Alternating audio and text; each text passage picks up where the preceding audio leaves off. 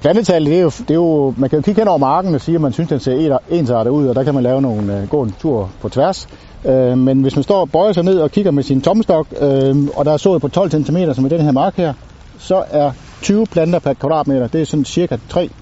øh, planter per løbende meter, og 60 planter per kvadratmeter, det er sådan 9-10 planter per løbende meter. Og hvis vi bare ligger tommestokken som her, så er der, så er der 3-4 planter, hvor vi lige sidder her, og herovre på den næste række, der er der måske en 8 planter øh, per løbende meter. Så plantetallet ligger kan sige, lige på det sted, vi står her, jo øh, sådan og varierer der omkring, en, øh, en, omkring det optimale på, som er de der øh, 20, 40, 60 planter per kvadratmeter. Så, så så nogle hurtige tællinger bør man gå hen over sin mark og lave, for at se, om man øh, har nogle stærke planter, som kan gå ind i vinteren øh, og være klar til næste forår.